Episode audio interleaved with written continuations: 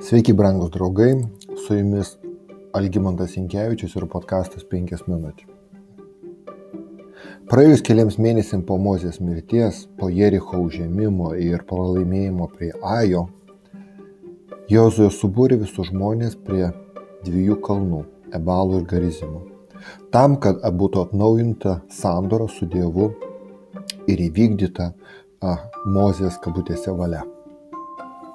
Tuomet Jozuė pastatė ant Ebalo kalno viešpačių Izraelio dievui aukarą, kaip viešpatės tarnas Mozė buvo įsakęs izraelitams ir kaip parašyta Mozės įstatymo knygoje. Aukarą netašytų akmenų nepaliestų geležinių įrankių ir atnašavant jo diginamasias aukas, bet be jokojo bendravimo aukas. Ten Izraelito akivaizdoje Jozuė užrašė ant akmenų nuorašą įstatymo, kurį Mozė buvo surašęs Izraelitams. Visas Izraelis, ateiviai ir vietiniai draugė su savo seniūnais, apskaitininkais ir teisėjais stovėjo bibus skrynios priešais kunigus iš Levių giminės, nešusius viešpatės sandros skrynę.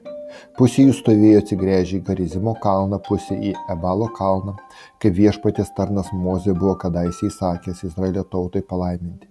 Tada Jozoje perskaitė visus įstatymo žodžius, palaiminimus ir prakeiksmus taip kaip parašyta įstatymo knygoje. Nebuvo ne vieno žodžio iš visų Mozės įsakų, kurio Mozė nebūtų perskaitęs visos Izraelio bendrijos akivaizdoje, įskaitant moteris, vaikus ir tarp jų gyvenančius ateivius. Jozuos knyga 8 skyrius. Šie du kalnai yra pačiame Kanano žemės centre, nedideliu atstumu vienas nuo kito, tarp jų suformuodami slėnį, kuriame buvo senovės Šechemo miestas. Ebalo kalnas yra šiaurėje, Garizimo pietuose. Ši vieta buvo įsimintina ne tik Izraeliui, bet ir kananiečiams. Čia Abromas, Izraelio protėvis, pastatė pirmąjį aukarą Kananį, kai viešpats pažadėjo jam atiduoti šią žemę kaip paveldą, pradžios 12 skyrius. Jokūbas taip pat čia apsigyveno grįžęs iš Harano, pradžios 33 skyrius. Ir čia įvyko kananiečiams taip pat gerai atsimenamas įvykis nepateisinamai žiaurus Simeono ir Levio kerštas visiems Sichemo gyventojams už smurtą prieš jų seserį Diną, kurį vykdė Sichemo princas.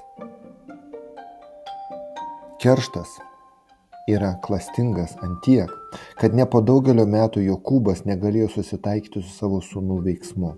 Pražios 34 skyrius. Būtent čia Izraelis turėjo atnaujinti sandorą su Dievu ir duoti pradžią nuolatiniam Izraelio tikėjimo stiprinimui, kai kartą per septynerius metus, palapinių šventės metu, Tora buvo iškilmingai skaitoma visų žmonių ir atvykėlių akivaizdoje, pakartoto įstatymo 31 skyrius. Sandoro su Dievu neįmanoma be sąmoningos sandoros sąlygų supratimo. Todėl čia nutiko tas pats, kas prieš 40 metų Sinajuje.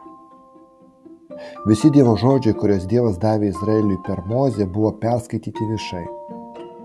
Šalia aukuro iš netašyto akmenų Jozue pastatė akmeninį paminklą padengtą tinku, ant kurio buvo aiškiai parašyta šio įstatymo kopija.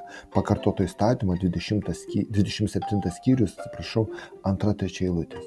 Taip buvo padaryta tam, kad Visi galėtų čia atvykti ir asmeniškai perskaityti savo sandoros su Dievu pagrindą.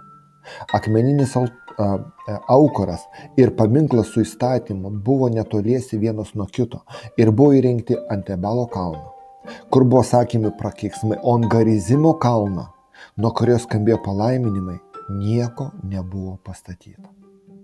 Tai visų pirma liudija, kad, kad yra išgelbimas iš nuodėmės prakeikimo Dievo Sūnaus Jėzaus Kristaus auka. Kita vertus, įstatymas esantis netoli aukuro išreiškia Dievo valią, kurią pažeidus nuvedame Kristų ant kryžiaus. Tai buvo taip aiškiai pateikta, kad sandoro žodžiai pažadino atgalą širdise tų, kurie jo skaitė ar girdėjo. Brangus draugai, Šios žodžius turėjo girdėti ne tik izraelitai, bet ir visi Izraelio gyventojai, skaitant Rahabą ir jo šeimą. Taip pat ateiviai. Mokymasis yra vienas iš, iš žingsnių į, pirmų, į pirmąjį dvasinį augimą ir tai yra vienas iš pirmųjų žingsnių. Negali gyventi harmonijoje su Dievu, likdamas visiškame, absoliučiame neišmanime.